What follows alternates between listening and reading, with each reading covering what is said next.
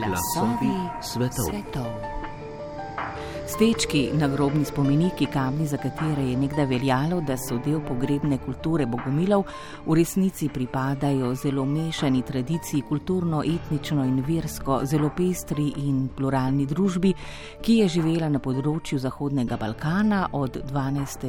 do 16. stoletja, predvsem na ozemlju Bosne in Hercegovine, Srbije, Hrvaške in Črne Gore.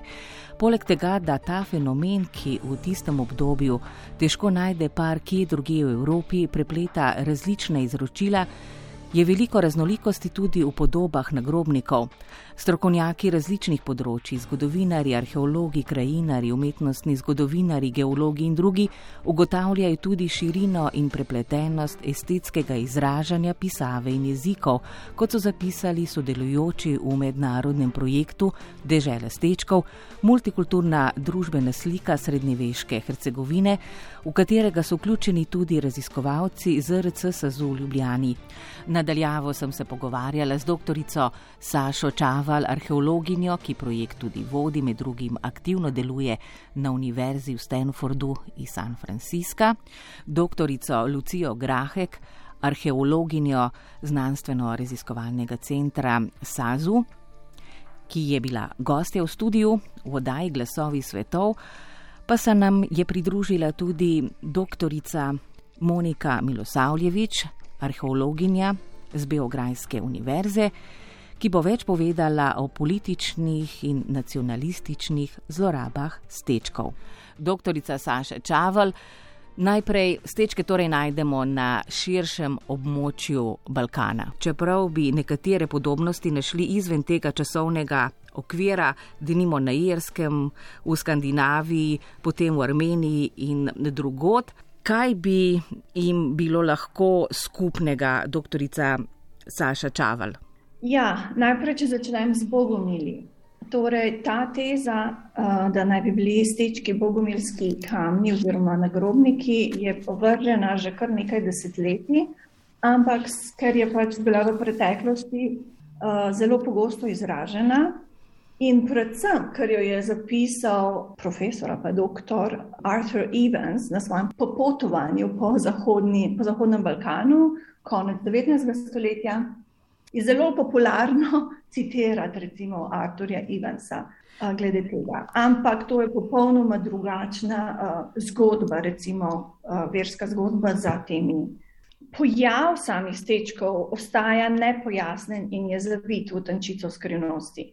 Zdaj, če govorimo tukaj predvsem o verski pluralnosti Zahodnega Balkana v času eh, postavljanja stečkov, govorimo o meji med, in zahodni, med vzhodnim in zahodnim krščanstvom, torej imamo rimokatoliško crkvo, imamo pravoslavno crkvo, imamo lokalno bosansko crkvo, ki je sicer v osnovi pravoslavna, vendar eh, zaradi določenih pogledov, recimo na samo uh, liturgijo oziroma na samo uh, izvajanje, recimo crkvenih zakonov in tako naprej, je bila označena za heretično že v 12. stoletju, 11.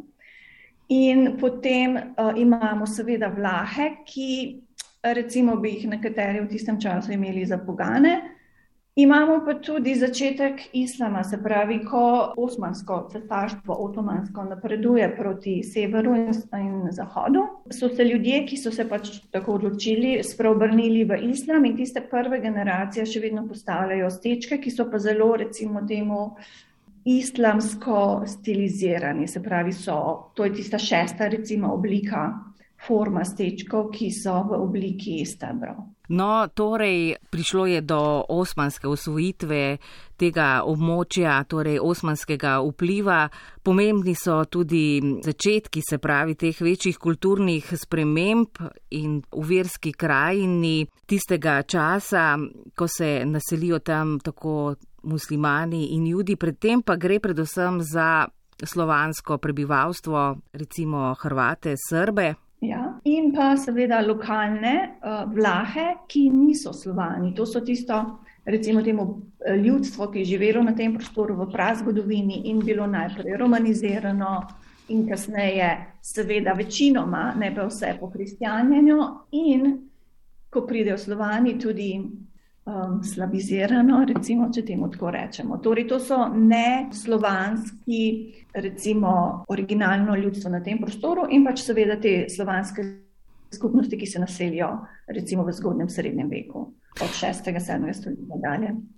No, prišli smo pravzaprav skoraj do konca postavljanja kulture stečko, pa bi se zdaj vrnili v pred začetke postavljanja teh srednjeveških nagrobnih spomenikov. Blizu stolca, se pravi v Hercegovini, v Bosni in Hercegovini, so našli v jami Buden zelo staro paleolitsko najdbo, zelo staro rezbarijo, poleg tega pa je na tem območju oziroma so znane pokopališča iz bronaste dobe v obliki gomil, kar visokih, okrog 5 metrov in tudi premjera 50 metrov. Doktorica Lucija Grahek bi tudi to lahko šteli recimo za pomembne, sicer neraziskane vire. Jaz sem po osnovni izobrazbi, po osnovnem zanimanju, sem sicer prazgodovinarka, ampak sem izredno vesela, ker me je kolegica Saša povabila k sodelovanju v tem projektu, ki obravnava srednjeveško temo, ampak je veliko iz, ključnih zadev, ne, te uh, različne vidike, etnične in tudi verske, kdo naj bi bili postavljalci. Sama kot prazgodovinarka točno vem, da se arheologi tem predelitvam pravzaprav po eni strani zelo izogibamo, ker jih je težko neposredno dokazovati, sploh v prazgodovini, ko še nimamo pisanih virov. In izvajamo svoje sklepanja zgolj na večinoma na podlagi materialnih dokazov. In to se jasno odraža tudi pri primeru stečkov. Tukaj je, so, se kažejo zelo zanimive podobnosti in sinhronizacije med prazgodovinskimi viri, arheološkimi viri in pa potem srednjeveškimi. Prvič v poselitvi, drugič umenili ste že ne, te tako imenovane vlahe, to so neka zelo stara ljudstva, mi jih danes imenujemo vlaka. Ja, mi jih danes imenujemo vlahi, vprašanje, kako so se sami sebe poimenovali takrat. Kdo natanko je postavljal te prazgodovinske gumile, katerih ste me vprašali, ne vemo, nimamo pisanih virov. Dejstvo pa je, da so te gumile mnogokrat ponovno uporabljene kot prostor pokopališča v zgodnjem srednjem veku oziroma v času postavljanja stečkov. Ne, in tukaj se kažejo neke zanimive podobnosti v izrabi prostora, tako z vidika sveta mrtvih, Še večji izziv bo pa nekako rekonstrukcija svet živih, se pravi rekonstrukcija naselij, tako prazgodovinskih kot srednjeveških, teh komunikacij, poti resursov. In tukaj lahko super sodelujemo različni strokovnjaki iz različnih področji, v tem primeru specialisti za prazgodovinske arheološke raziskave in pa uh, kolegica Saša, ki je specialistka za srednjeveško arheologijo. No, prav zato sem pač omenila to paleolitsko razbarijo, ker um, gre za različne nagrobnike in sicer za recimo oblike sarkofagov, potem krst, hiš, plošč, križa. Stebro tudi z različnimi napisi, motivi, se pravi z različno ornamentiko, Torej, ta pretrgana kontinuiteta, recimo temu umetniškega upodabljanja, bi utegnila predstavljati zanimiva izhodišča. Špekuliramo lahko, da nimo, kaj bi v različnih obdobjih izražala stara ljudstva. Zanimive so podobnosti in sinhronizacije med arheološkim in prazgodovinskim obdobjem in v srednjeveški poselitvi, uporabi prostora. Kaj izražajo te podobe? Najstarejši kamniti nagrobni spomeniki eh, na tem eh, širšem območju Balkana se pojavijo nekje v četrtem stoletju pred našim štetjem in eh, tudi deloma še na območju široke kulture razprostranjenosti stečkov. Te niso samo v Bosni, ne, te se razprostirajo na širšem območju. In sicer prvi ti najstarejši kamniti spomeniki so naprimer, jih arheologi poznamo iz območja, ki ga povezujemo z prazgodovinskim plemenom Japodov. Eh, to poimenovanje poznamo tako iz antičnih rimskih eh, pisanih virov, kot iz eh, malo mlajših samih napisov tudi na teh nagrobnikih. In je zanimivo, ja, da do določene te upodobitve na stečkih so pa vsem primerljive še s temi prazgodovinskimi podobami. Pestrost življenja v paleolitiku in neolitiku je vsekakor manj poznana, vendar v srednjeveškem veku, v srednjeveškem času pa bi lahko, se zdi, govorili o geografski izoliranosti tega prostora ali pa o varovanju tudi pred 12. stoletjem, čeprav gre za časovno-prostorsko sivino Saša Čaval. Ja, torej, če jaz lahko dodam tukaj še nekaj v zvezi, kar je Lucija govorila. Ponovna uporaba prazgodovinskih, recimo na, na tem prostoru, ki ga mi raziskujemo, so to predvsem prazgodovinske gomile. To se začne že v zgodnem srednjem veku, se pravi nekje drugo po Evropi, se začne v 6. 8. stoletju, recimo 9. stoletju in tako naprej. Imamo dobro raziskana velika uh, grobišča, recimo v Grčiji, se pravi južno od prostora, ki ga mi raziskujemo, na Mačarskem v zahodnji Evropi. Medtem ko je Bosna, ki je v sredi, na podlagi tega, kar mi vemo o stečkih danes, ki naj bi se začeli v 12. stoletju. Se pravi, eh, predstavlja ta ponovna uporaba teh prostorov nek hiatus oziroma nek luknja 200 do 400, 600 let. Ne? Zdaj, jaz verjamem, da temu ni bilo tako in da to v bistvu odraža le stanje razisk oziroma neraziskanosti stečkov in da recimo, ko, bomo, ko bo več raziskovalcev raziskovalo ta fenomen stečkov in bomo imeli veliko več podatkov, kot jih bomo imeli tudi, recimo, ne vem, ko se mi dve z Lucijo upokojiva. Um, bomo lahko recimo zapolnili to, to vprašanje ali pa to, to, to enigmo, zakaj je taka luknja, zakaj se recimo v, na Mačarskem in v Grčiji imamo ponovno uporabo teh prazgodovinskih prostorov v 8. stoletju, v Bosni, ki je pa nekje vmes, pa v 12. recimo, da se začne. Zdaj, ali to pomeni res to, da je bila Bosna tako izolirana, geografsko izolirana, se pravi, ju, se pravi če, imamo, če si predstavljate Bosno, severno, že danes pot od Ljubljane do Beograda gre severno od Bosne ob reki Savi. Tako je bilo tudi v, recimo, v rimskem času, v srednjeveških časih in tudi prej. Južno od Bosne je uh, Jadranska obala, kjer je tudi vedno že potekala, so potekale izmenjave, trgovina, vojske in tako naprej, so se pač so potovali po teh dveh poteh. Bosna je nekje vmes. In tudi, če, ti, če te zanima, id pogledati, kaj pa je južno od Save, te najprej pričaka tisto veliko območje tistih um, močvirij, recimo, in če se čez to prebiješ, prideš v Bosno.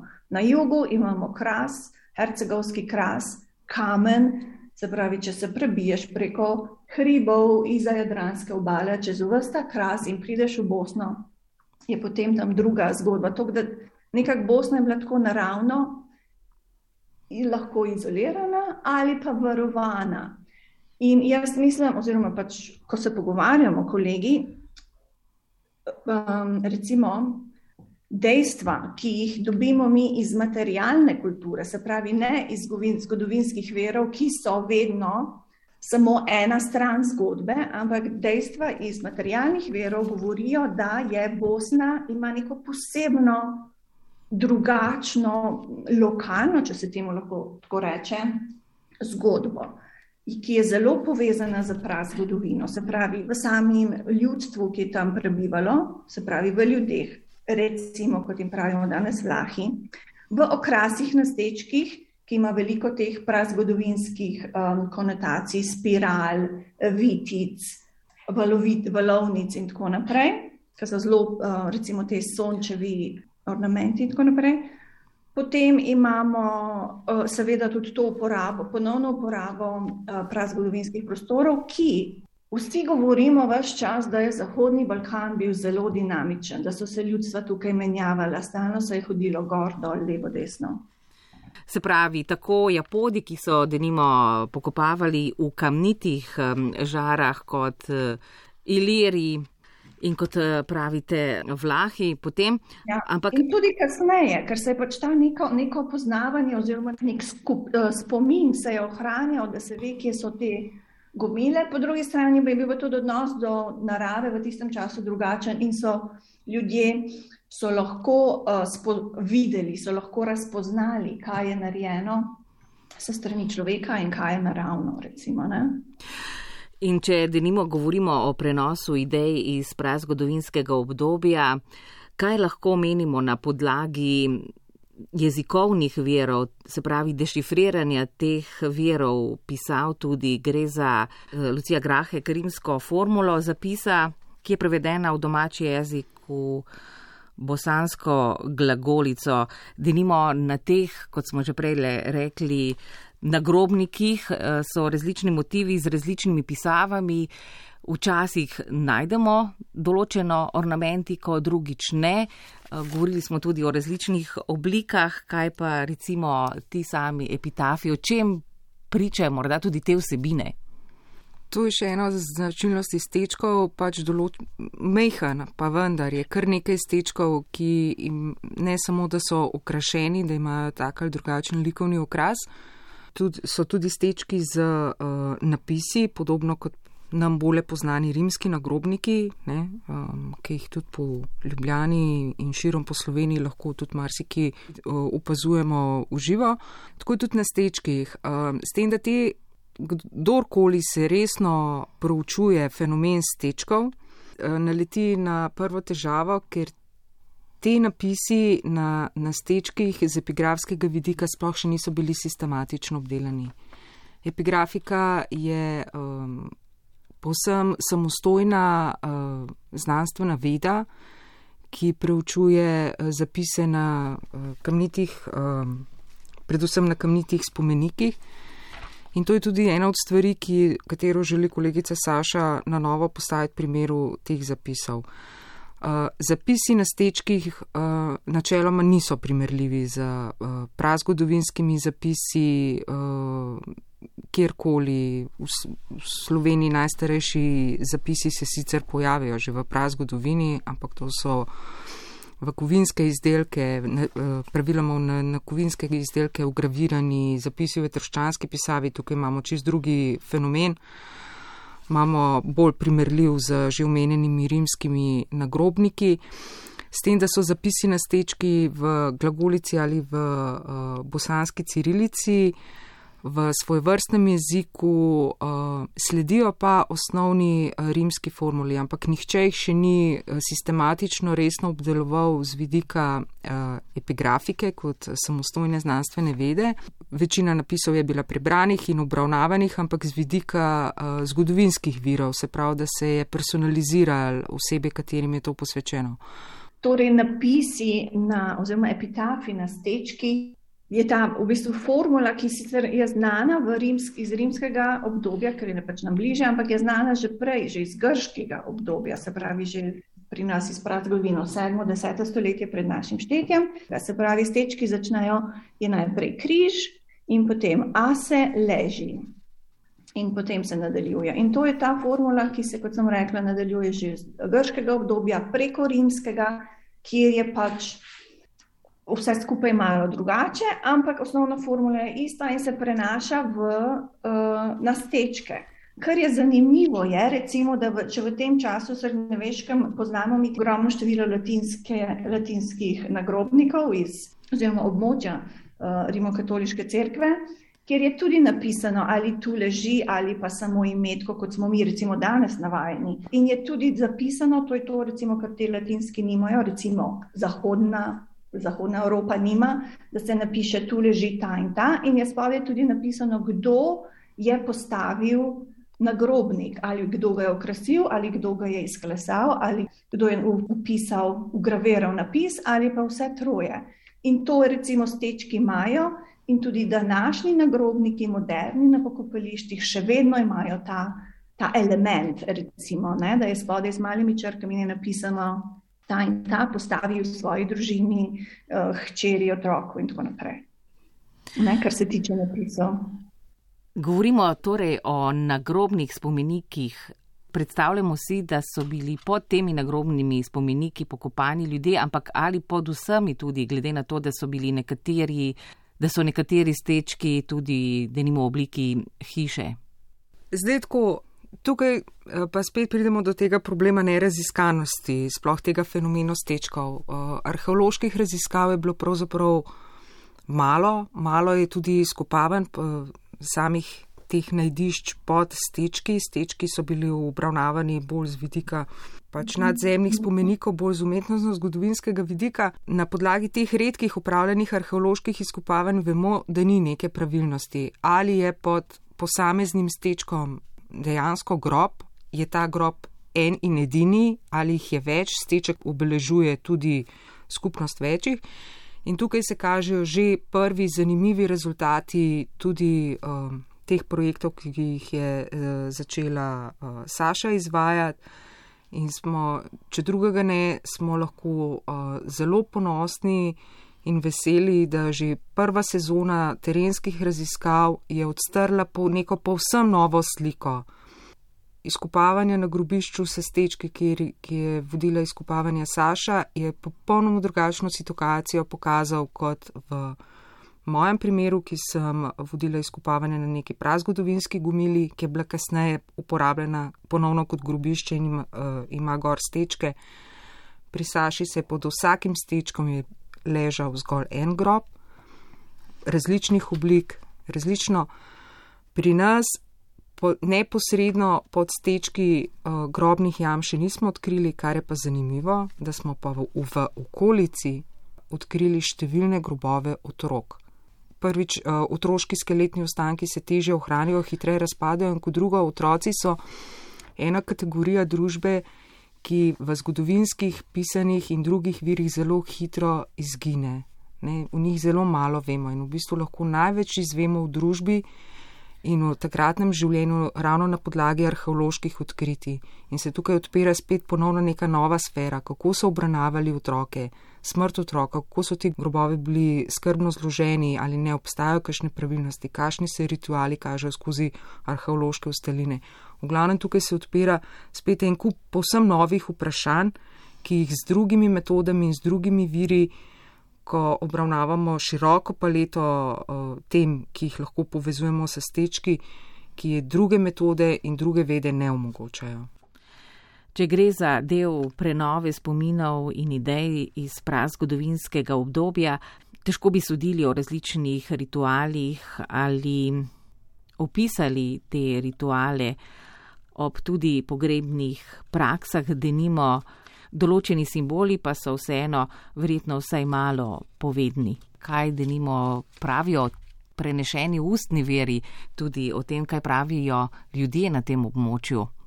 Torej, nekateri okrasi na stečkih so v obliki um, kroga, ki je recimo razdeljen na določene dele ali pa nekateri to um, imen, uh, tudi imenujejo recimo venec ali nekaj takega. Po nekaterih verjih naj bi to predstavljalo um, uh, ta kruh, ki naj bi bil razdeljen recimo v času pokopa uh, umrlega pod stečkom. Ne? Se pravi, zdaj kdaj je bilo to točno, kdaj je ta recimo, um, ja, o, ta ob sedmina. Ja.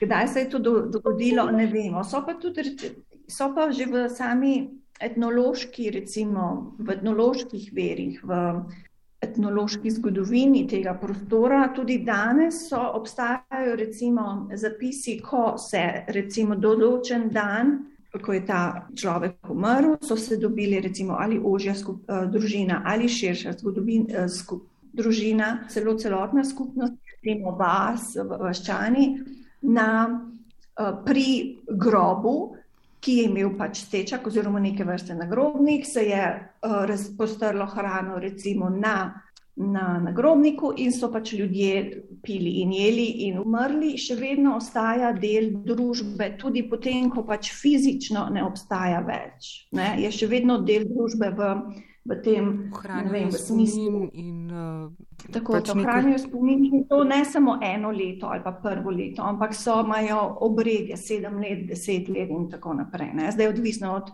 kakšne vloge je imel ta človek ali v družini, širši družini ali pa v skupnosti. Uh, Dobr dan, želim arheologinja dr. Monika Milosavljevič. Morda bi se osredotočili bolj na jug Bosne. Ki je bil denimo pod vplivom tudi starorimske kulture. Najprej da se zahvalim na pozivu. Veoma mi je velika čast da razgovaram sa vama i na neki način ovaj razgovor se nadovezuje na razgovor koji ste vi vodili sa doktoricom Sašom Čavali Lucijom Grahek Ne glede na to, da ste predtem že posneli pogovor z doktorico Sašo Čaval in doktorico Lucijo Grahek in da se bom na to navezovala, bom v zvezi s stečki poskušala prispevati nekaj dodatnih vidikov in drugačnih perspektiv. Lahko se poskušamo usmeriti v Južno Bosno, lahko pa se razgledamo po širšem območju, kjer so raztresene najdbe teh spomenikov. Stečki so namreč zdaj prepoznani kot zelo pomembna zapuščina tudi na območjih okrog Bosne, na Hrvaškem, v Črni gori in Srbiji. Seveda je vprašanje, ki se nanaša na predhodne ostaline kultur, kot je starorimska in odnos srednjeveške kulture Balkane do prejšnje dediščine, lahko zelo zanimivo. Recimo, ali so obstajale kakšne tradicije, kulturne prakse in dejavnosti, kontinuitete idejnih in simbolnih svetov, predvsem pa kako se prejšnja obdobja odražajo v tej kulturi. V literaturi najdemo najrazličnejše razmisleke in stališča o tem, zato je treba najprej to zajeti v določene okvire, torej kje smo dobili znanje o tem, kar vemo, kaj je tisto, na čemer temeljijo naše raziskave. Za zdaj je arheološko poznavanje stečkov zelo omejeno. Čeprav se kreše veliko različnih stališč, pa je veliko manj prepričljivih dokazov. Mnogi raziskovalci namreč podpirajo in širijo le nekatera prepričanja v zvezi s stečki. Posod na celotnem Balkanu, kamor je segalo rimsko cesarstvo, so srednjeveške družbe vse od zgodnjega pa do poznega srednjega veka komunicirale z materialno kulturo vidno v prostoru. Seveda takrat ljudje niso mogli z arheološkimi sredstvi oceniti časa nastanka in prepoznati izvornih pomenov kultur, vendar pa vseeno ne smemo zapasti v našo lastno centričnost in gledati na te pojave sedanje nekdanje časovne perspektive, recimo, da so ljudje te kamne nekdanje, pretekle materialne kulture le obnavljali in v tem niso videli dela človeških rok, torej da sploh nimamo nobenih predstav o preteklosti. Tega res ne moremo trditi. Ljudje so še pred osamosvojitvijo arheološke vede v 18. in 19. stoletju še kako z zanimanjem opazovali, kaj se dogaja v njihovi okolici. Ne govorim le o stečkih. Najrazličnejše oblike srednjeveškega pokopavanja ali življenja sploh najdejo oporo v predhodnih tradicijah in v krajih iz preteklosti, ki so jih začeli znova uporabljati. Enostavno gledano, bi lahko pričakovali, da sama uporabnost za sabo potegne tudi idejno mišljensko kontinuiteto, vendar spoznanja kulturne in socialne antropologije potrjujejo nasprotne domneve in sicer, da ljudje šele takrat, ko je kontinuiteta pretrgana, v času krize, znova začenjajo uporabljati določena mesta, recimo.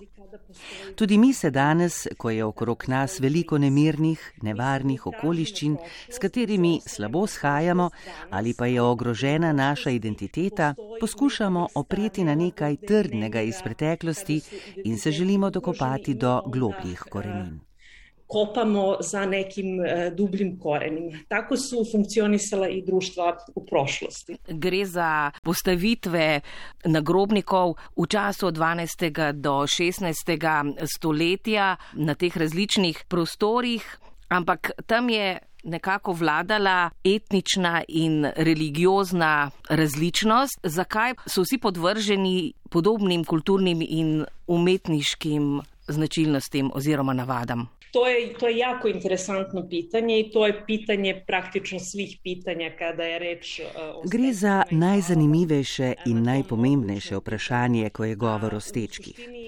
Bistvo tega, da tako zelo cenimo stečke in jih imamo za pomemben del naše skupne svetovne kulturne dediščine, je prav ta pluralnost, verska in etnična raznolikost, saj stečkov ne moremo postavljati le v okvire ozemlja posamezne države. Podoba tega fenomena je veliko širša. Pomisliti moramo tudi, da so bile te meje zelo prehodne in so jih večkrat premaknili. Omenila sem že, da so bistvena vprašanja, ki jih postavljamo tako arheologi kot zgodovinarji, umetnostni zgodovinarji in drugi, katera so tista vprašanja in zakaj prav ta vprašanja. Sama se recimo sprašujem, zakaj je za nas tako pomembno vprašanje etnične in verske raznolikosti, ki je prioritetno in je kar naprej v zraku. Manj pa nas zanimata socialna pestrost in razlikovanje. Čeprav nimamo v mislih le balkanske arheologije, zraven lahko prištejemo tudi vso evropsko, je odgovor zelo jasen. V prvi polovici 20. stoletja so arheologi želeli dobiti odgovore na vprašanje, katero kulturno skupino ali ljudstvo raziskujejo. Ko se vprašamo, čigavo delo je to, seveda ne pomislimo na posamezno osebo, ampak na človeško skupnostno identiteto. Razlog se skriva v tem, da so v 19. stoletju nastajale arheologije znotraj nacionalnih državnih tvorb in njihov namen je bil prav to, da podprejo oblikovanje različnih narodov in nacionalnih državnih institucij ter poiščejo njihove izvorne korenine. Nočem reči, da nacionalna vprašanja niso pomembna, še kako so.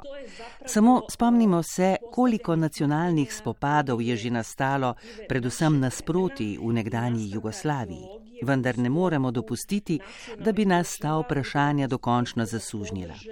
Spet ne pravim, da moramo to vprašanje preskočiti, vseeno pa moramo razmisliti, zakaj se nam zdi nenavadno, da so v preteklosti, kot verjamemo, v mračnem srednjem veku recimo, tu že so obstajale, delovale etnično in versko raznolike družbe skupno z enako ali s podobno materialno kulturo. Kakšne predsotke in stereotipe gojimo, če recimo menimo, da ljudje, ki so tako različni, ne morejo piti enake Coca-Cole ali nositi kavbojk istega proizvajalca. No, kdo bi utegnil pomisliti, da dajem zelo banalne primere, saj ima kultura pogrebnih navad in pokopavanja povsem drugačne duhovne razsežnosti. To sem storila namenoma, prav zato, da povdarim, kako bi bilo prav, da se arheologija počasi začne ukvarjati tudi z drugimi vidiki. Našteli smo približno 70 tisoč spomenikov. To pomeni, da jih niso posvečali le elitnim članom raznolikih skupnosti, ampak so jih namenjali tudi mnogim drugim, tudi ženskam in otrokom. Pod stečki so verjetno pokopani tudi pastirji. Govorimo o ženama, o deci in verovatno govorimo i o uh, stočarima, koji su se sahranjivali pod stečcima. Za stečke pravzaprav obstaja kar nekaj drugih imen, tudi navadno pač. Vsaj v Sloveniji uporabljamo izraz stečki. Ti stečki so bili tudi seveda različnih oblik, imeli so lahko tudi razkošno ornamentiko. Bi lahko njihovo postavljanje, njihove oblike, morda tudi napise ali pa glede na jezike, ki se pojavljajo, lahko stečke povezali v tistem času, prej ali kasneje, podobnimi navadami, recimo na drugih lokacijah, blizu ali pa tudi zelo daleč. Ja ne znam da li znate, ali u principu sad samim tim što ja govorim termin stečak, ja sam um, za... Ne vem, ali veste, ampak že sama sem glede na to, da uporabljam izraz stečak, zadev srpskih arheologov neke vrste izdajalka. V Srbiji je namreč sprejemljivejši izraz amramori ali mramori. Na Hrvaškem menijo, da bi stečke poimenovali kamik ali kami. To so različice poimenovanja za kamen, kamniti spomenik. Tako se spomnim Ursule Legvin, ki se je ukvarjala z bistvi pomenov in dejanskimi poimenovanji, za katere bi lahko rekli, da nenadoma izražajo najbolj esencialne in avtentične značilnosti, kot da ime varuje mistično esenco in obrazloži, kaj najnatančnejše ta stvar je. Zato je zanimivo opazovati bitke, ki nastajajo okrog imena. Čeprav se vprašanje o tem, odkot izvira izraz za steček, morda razlaga z glagolom stati, čeprav nekateri ležijo, so različnih oblik. Morda je v ozadju drug smisel, recimo to, da jih nič ne more podreti, da kljubujejo času in so skozi človeško percepcijo hkrati tudi vedno močnejši ali nekaj podobnega. No, izvor imena me spet vodi do vprašanja, zakaj je vendar spet to tako pomembno? Zaradi nacionalističnih nagibov. Dokler nimamo zbranih arheoloških dokazov, ne moremo natančno interpretirati tega, kaj stečki sploh so, hkrati pa jih ne moremo postavljati ob bok drugim podobnim evropskim fenomenom. Vse, kar lahko pomembnega povemo, je, glede na dosedanje raziskave, gradivo in dokaze, da so zagotovo določeno število stečkov postavili na prazgodovinskih grobiščih. To je pomembno zato, ker so tudi drugi srednjeveški grobovi po Evropi, ne morda v tako monumentalni in masivni nagrobni postavitvi spomenikov, z naraščanjem družbene kompleksnosti in z nastajanjem držav, ko se vzpostavi določena družbena struktura, prepoznavajo uporabnost teh prazgodovinskih točk. Iskanje identitet, nastajanje nacij in srednjeveških držav hkrati rojeva tudi potrebo po izmišljanju tradicij in njihovo novo konstituiranje, kot pravi neki znani medijavelist. To so potem povezali z očitnimi starimi mesti v krajini, ki je bila za nje tedaj veliko pomembnejša. Njihova zavest o naravi je bila veliko močnejša kot v sodobni kulturi. O okolici, o pejzažu bila znatno više izražena nego što je u našoj savremenoj kulturi. Stečki so pod UNESCO-vo zaščito, vendar le že takrat, ko so bili stečki nominirani za to, je prihajalo do različnih problemov in sicer se je seveda stečke uporabljalo za nacionalistične zlorabe, politične zlorabe, vulgarne politične zlorabe. Nam lahko predstavite, kakšno je zdaj stanje in kakšno je bilo? Pre svega upis stečaka na UNESCO listu svetske baštine je jedan proces koji je uspešno... Sam upis stečkov na UNESCO seznam svetovne kulturne dediščine je uspešno končan proces, ne glede na mnoge probleme. To je zelo spodbudno, tako za samo spominsko dediščino, kot za arheološke skupnosti na Balkanu. Kako se je vse začelo? Gre za zamisel že pokojnega sarajevskega zgodovinarja Dubravka Laurenoviča, izjemnega bosansko-hercegovskega medijavelista. Tako so bila poslana nekakšna protokolarna pisma drugim državam, v katerih so tudi stečki. V stečkih je namreč videl potencial, ki so ga prepoznali tudi pri UNESCO, zato so v državah po konfliktu sprožili skupne dejavnosti za dosego upisa. Tako je bila državam stečki poslana inicijativa, bile so tudi financirane, to pa je bilo načeloma slišati kar dobro. Glede na raziskave odlične zgodovinarke Višnje Kisič, ki govori recimo o disonantnem nasledstvu in je z udeleženimi v postopku pripravljala tudi intervjuje. Izpostavila je, da takrat, ko je prišlo do praktičnih potez in poslovnih zamisli, Vedeti morate, da gre za 70 tisoč stečkov in 3300 lokacij, so se pojavili problemi v zvezi z reprezentativnimi stečki. Bosna in Hercegovina je načeloma izbrala šest lokacij, preostale države pa dve in največ pet. Potem pa se je zgodilo, da je Bosna predlagala 20 lokacij, druge države pa so ostale pri manjšem številu. To je sicer z določenega vidika smiselno in ocenjeno odseva pravo stanje na terenu, saj je Bosna in Hercegovina najbogatejša s temi spomeniki, ki so tudi najbolj reprezentativni. Vendar so drugi udeleženci težili k enakemu zastopstvu lokacij. Med njimi so se ustvarile napetosti, poleg tega pa so se opirali še na nacionalna, zgodovinsko izpričana dejstva. Vse od 19. stoletja so namreč v teh državah, izrazito na Hrvaškem in v Srbiji, rasli poskusi nacionalizacije stečkov. V Bosni je bilo drugače, saj so po vzpostavitvi Avstro-Ogrske stečke povezovali z bogomili in posredno z bošnjaško populacijo. To je bila včasih skoraj veljavna usporedna hipoteza, ki pa je danes ovržena. Še po drugi svetovni vojni so veliko delali na tem raziskovalnem polju in tezo o bogomilih dokazovali z nekaterimi upodobljenimi krščanskimi simboli in crkvenim pokroviteljstvom. Nekdanja prepričanja, predvsem z prehoda iz 19. v 20. stoletje in iz desetletij, ki so sledila, namreč privrejo na dan zato, ker so jih takrat kot znanstvena dognanja lansirale ali potrdile velike, ugledne avtoritete. Poznaje pa se je določenim prejšnjim prepričanjem težko odreči in jih pustiti pozabi.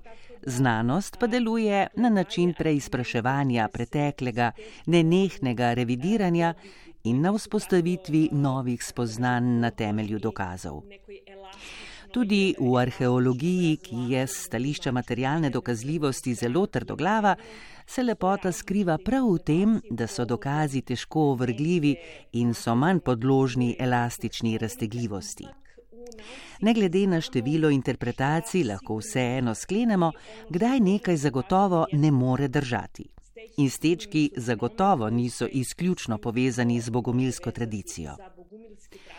Je pa ta fenomen večkrat ideološko zlorabljen, saj ga je veliko laže uvrstiti v kontekst izoliranih, preganjanih ali izgnanih žrtev, ne da bi pri tem razumeli vse vrste družbenih dinamik, od vojn do spremembe statusov znotraj zgodovinske realnosti. Pogled eksotičnosti in mističnosti se zdi včasih privlačnejši, saj se ni treba soočiti z najrazličnejšimi dejstvi nekog egzoticizma i misticizma, nego se suočiti sa raznovrsnim činjenicama. No, arheologi in drugi, seveda, poznovalci in strokovnjaki ste med raziskovanji najbrž veliko krat tarča različnih pritiskov, ampak če govorimo o stečkih danes, se tam ljudje srečavajo povezujejo ali pravzaprav so povod, ki botruje smerem različnih razdorov in razprti, denimo. E, da, dakle, kao i u onom, mislim, dokumentarnom filmu, čija je ovo pesma, tako i... Podobno kot je to v dokumentarnem filmu Čigava je ta pesem, se tudi tokrat sprašujemo, čigav je ta steček in kdo je v tem grobu. V družbeni zgodovini in zgodovini arheologije poznamo ideologijo, ki je bila tudi v nacističnem kontekstu Nemčije, to vrstne zlorabe poznamo tudi v srpski arheologiji. Verjetno poznate krilatico iz 90-ih let. Tam, kjer so srpski grobovi, je tudi srpska zemlja arheologi pa se ukvarjamo prav z grobovi, zato je treba paziti, da ne služimo to vrstnim političnim in ideološkim ciljem ter podvigom naših držav. Arheologi, ki lahko glede na grobne najdbe določijo tudi etnično pripadnost, lahko zapadajo v različne probleme, če na podlagi teh dokazov nekdo odloča. Čigava bo zemlja? Predstavljajte si, da bi z te perspektive zdaj arheologi zlorabljali v sedanji federalni Bosni in Hercegovini ali v Republiki Srpski. To, kar je pomirilo srbizacijo in hrvatizacijo ali recimo pripisovanje stečkov bošnjakom, je prav ta opis na UNESCO seznam, zato da zdaj bolje razumemo, da gre za skupno zapuščino, ne glede na to, kakšne ideje vznikajo v družbi. Kljub še živim težnjam, ki stečke upisujejo med nacionalne ideje in kljub potrebam, da se nacija z njimi poveže v mitološki preteklosti, v kateri je obstajala zlata doba, po kateri hrepeni, še posebno po krizi ali travmi, bo mogoče v sodobnih razmerah vse to preseči. To, kar morda preseneča, je spletna prodaja stečkov z domačih dvorišč. Čeprav so nekateri prebivalci na to dediščino zelo navezani, jo poskušajo vzdrževati, kolikor jo je le mogoče, glede na socialno stanje, skromna sredstva, ki so v revnih državah namenjena kulturi, tu mislim tako na Bosno in Hercegovino kot na Srbijo. Danes je mogoče najti stečke, na katerih so vdelani napisi imen žrtev druge svetovne vojne, fašizma in okupatorskega nasilja. Eden izmed najbolj znanih je pomnik iz leta 1944 iz kraja na severovzhodu Bosne. Stečki so se v 50-ih letih v nekdanji Jugoslaviji pojavljali na poštnih znamkah in kot podoba na denarju v Bosni. Treba je paziti tudi, da se ne ujamemo v zanko in bi določeno skupino spomenikov ali določen spomenik obravnavali vedno v istih kontekstih, na en sam, nespremenljiv način.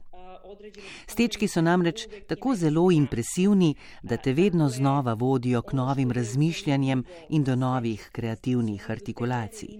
Kakšen je njihov pomen v prostoru, kako vplivajo na interakcijo med naravo in kulturo, kako se monumentalni spomeniki prelivajo s pejsaži prelepega okolja v recimo krajini Bosne in Hercegovine. Prirode in kulture prelepih pejzaža, recimo Bosne in Hercegovine, in tih monumentalnih spomenikov v njih.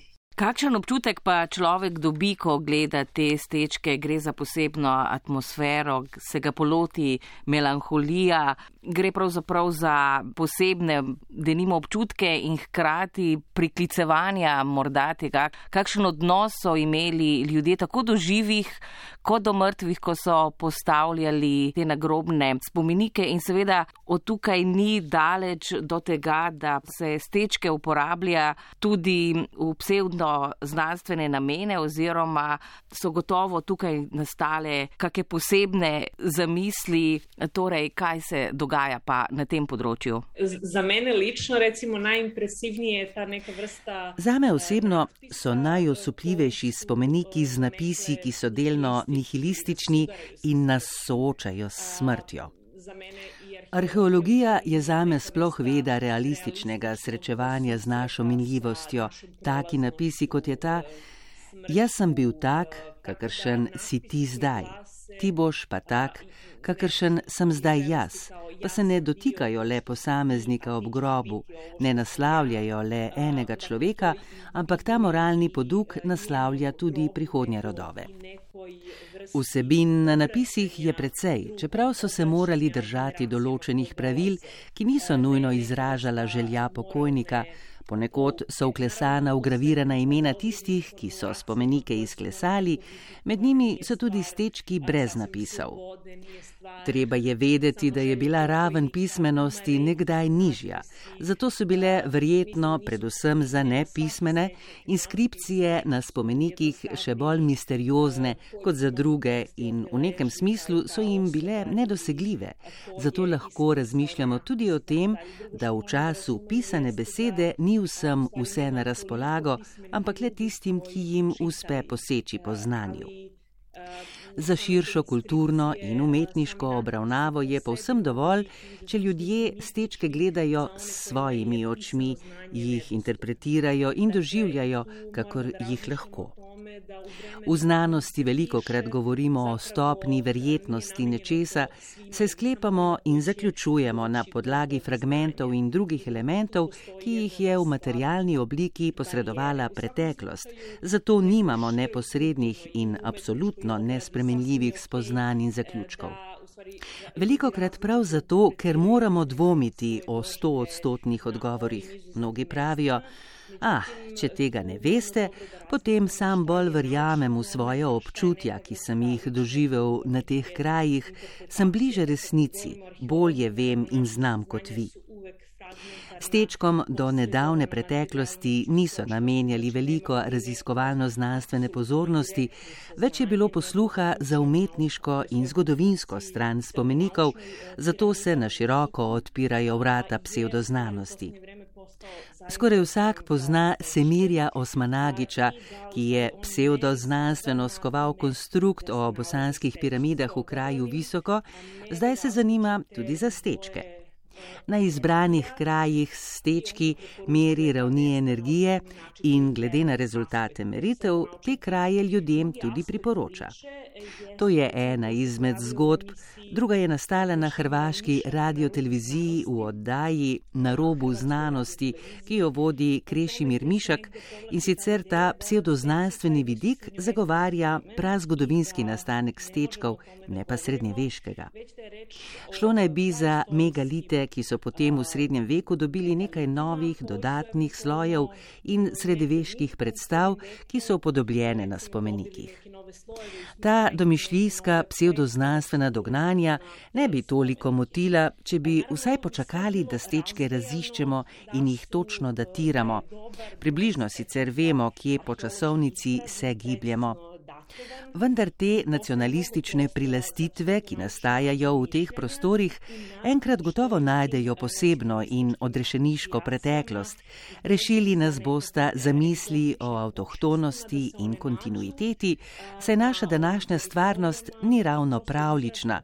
Smo bili pa zato v preteklosti velika sila. Avtohtonosti in kontinuitetu, jer možda naša sadašnjost nije bajna, ali zato smo u prošlosti bili sila svakako. Ne glede na to, da v stečkih nekateri torej vidijo tudi eksotično vsebino in da gre tudi za umetniške stvaritve, pa se morda vrniva na sam začetek oziroma na konec tradicije postavljanja stečko, zakaj se je to zgodilo, kakšne spremembe so bile tako v političnem, verskem in socialnem smislu, da ljudje več niso oblikovali in postavljali teh nekropol oziroma posameznih nagrobnih spomenikov. Torej, zakaj se je ta praksa prenehala in če se je povsod približno ob istem času? To će zaključci i odgovori na ovaj niz pitanja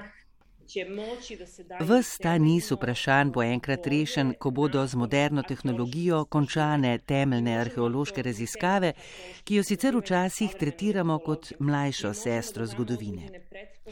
To naj bi bila tradicija arheologiji v nekdanji Jugoslaviji, ki so vse po vrsti kot dekle, ujetnice in sužnje, kot je dejal eden izmed kolegov, trpele zaradi stokholmskega sindroma v odnosu z zgodovino, najbolj medjavelistika. Sama mislim, da arheologija ni le veda, ki pomaga zgodovinski perspektivi, ki naj bi bila točna. Arheologija pa prispeva le ilustracijo že znanega. Obe praksi lahko delujeta skupaj, vendar imam poleg tega malo radikalnejšo držo in sicer menim, da zgodovina preučuje to, kar lahko, to, kar je ostalo pisnih virov in drugih dokumentov, nekdaj elitnih znanj. Vendar, to zgodovino so pisali tisti od zgoraj, kaj pa tisti od spodaj? Gre lahko za zelo zanimiva dogajanja na socialnih področjih, zanimive premike in odnose. Če obe vedi delujeta vzajemno, nastanejo razlike v njunih dognanjih in potem to postane šele zares zanimiva razlika ali zanimiva podobnost. In če konkretiziram, so ti spomeniki nastali v času določenih družbeno-političnih okoliščin, ki so omogočale ekonomsko rast. Čeprav obstajajo razlike v socialni strukturi, lahko vidimo, da so si lahko nekateri privoščili zelo bogato okrasje in velikanske večtonske spomenike, tako da imamo kar nekaj težav s samim dvigovanjem teh monolitov. Tako da odgovori zdaj še niso na voljo, tudi zato, ker za zdaj raziskujemo šele na površini in lahko govorimo le o analizi, čeprav sama mislim, da se bistveno skriva pod zemljo nahajajo v samih grobovih, ki so pod stečki, okoli njih ali v njihovi bližini. Potem moramo vključiti zgodovinsko sliko, primerjati pojavnost podobnih fenomenov drugot, če ti obstajajo, ter na koncu to dobro in relevantno artikulirati. Mislim, da vsaj v Evropi ne obstaja taka terra incognita, kot je ta prostor v smislu neraziskanosti. Res je sicer, da so nekaj okosti izkopali in jih fizično, antropološko analizirali že v Jugoslaviji, vendar so hoteli dognati le to, ali gre za dinarski tip človeka ali ne, je bilo prebivalstvo avtohtono ali ne, recimo. Tako so jih uporabili za nacionalistične potrebe in jih implicitno povezali z rasističnimi idejami, ki so bile seveda prisotne tudi v znanstveni veji fizične antropologije. Tako da obstaja kar nekaj podtalnih problemov s predhodnimi zamislimi, vedenji in interpretacijami, ki jih imam na svoji mizi.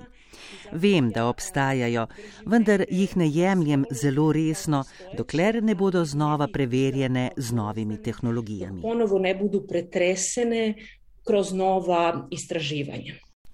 V oddaji Glasovi svetov, ki sem jo pripravila Magda Tušar, sem se o stečkih pogovarjala z dr. Sašo Čaval, dr. Lucijo Grahek in dr. Moniko Milosavljevič. Glasovi svetov. svetov.